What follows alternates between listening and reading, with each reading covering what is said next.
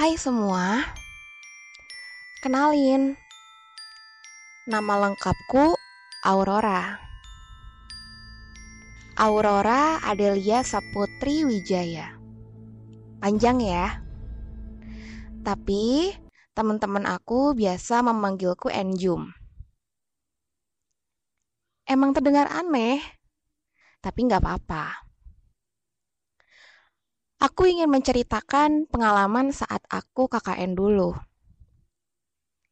Jadi, aku kuliah di salah satu perguruan tinggi negeri di kota Bandung. Aku mengambil jurusan Cahem Ledeng. Ya, maksudku untuk menuju ke kampus aku, biasanya aku naik angkot jurusan Cicahem Ledeng. Gitu. Untuk pendidikanku sendiri, aku mengambil jurusan sastra bahasa Jerman. Karena entah kenapa, dari dulu aku suka sekali dengan bahasa Jerman. Menurutku bahasa mereka tuh menarik banget. Dan hari ini adalah hari di mana ditentukannya tempat untuk aku melaksanakan KKN. Aku KKN bersama beberapa teman dari jurusan lain. Jumlah peserta KKN-ku ada sekitar tujuh orang. Tiga perempuan, tiga laki-laki, dan satu bumbu rujak. Kami memilih salah satu desa di daerah Manokwari. Sebut saja nama desa itu Desa Bumbu. Memang seperti nama restoran. Kami pun sekeluarga, eh maksudku satu kelompok, tinggal di rumah salah seorang kepala desa. Sedangkan kepala desa dan keluarganya tinggal di emperan toko karpet. Warga di sana menyambut kami dengan ramah saat kami datang, mereka menjamu kami dengan makanan-makanan yang menurutku sangat sederhana. Mulai dari KFC, chicken wing, sate taichan, ayam geprek pagempus, eh gembus maksudnya, sampai makaroni ngehe. Setelah makan-makan, kami istirahat di rumah Pak Kepala Desa bagi kami bertuju rumah itu sangat cukup kami tempati.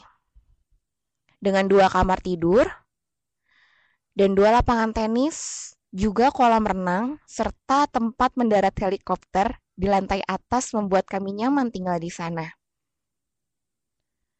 Sore harinya, kami berkeliling di desa tersebut melihat banyak hal, bahkan kami diajak Pak Kepala Desa untuk memetik ganja di kebunnya. Sampai malam pun tiba. Malam itu, setelah sholat tarawih, kita putuskan untuk merancang proker apa saja yang akan kita lakukan di desa ini. Aku dan temanku berniat mengajak anak-anak desa untuk belajar bahasa Jerman. Dan beberapa teman yang lain juga memiliki proker bersama kami akan membangun trans studio di ujung jalan desa ini. Singkat cerita, waktu pun berlalu. Sampai pada hari ketujuh, aku merasakan hal yang aneh. Waktu itu aku pulang dari prokerku sekitar jam 7 malam. Aku lewat di depan sebuah rumah, dan di situ aku mendengar suara musik. Karena penasaran, aku mendekati rumah itu dan mencoba mencari tahu musik dari mana itu. Dan ketika aku lihat, astaga, aku melihat seorang wanita sedang menari. Aku terkejut karena wanita itu melihat ke arahku.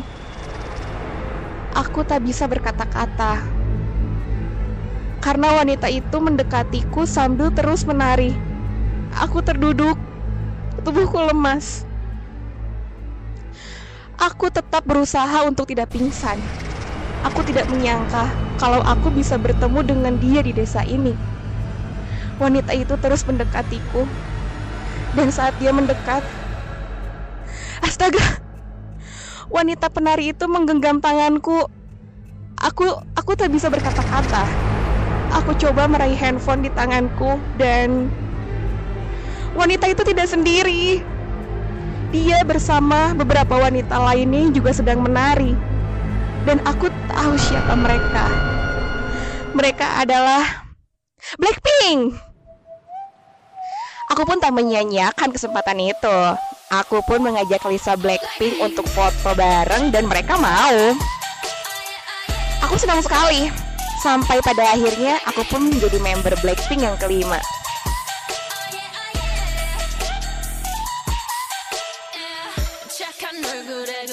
못한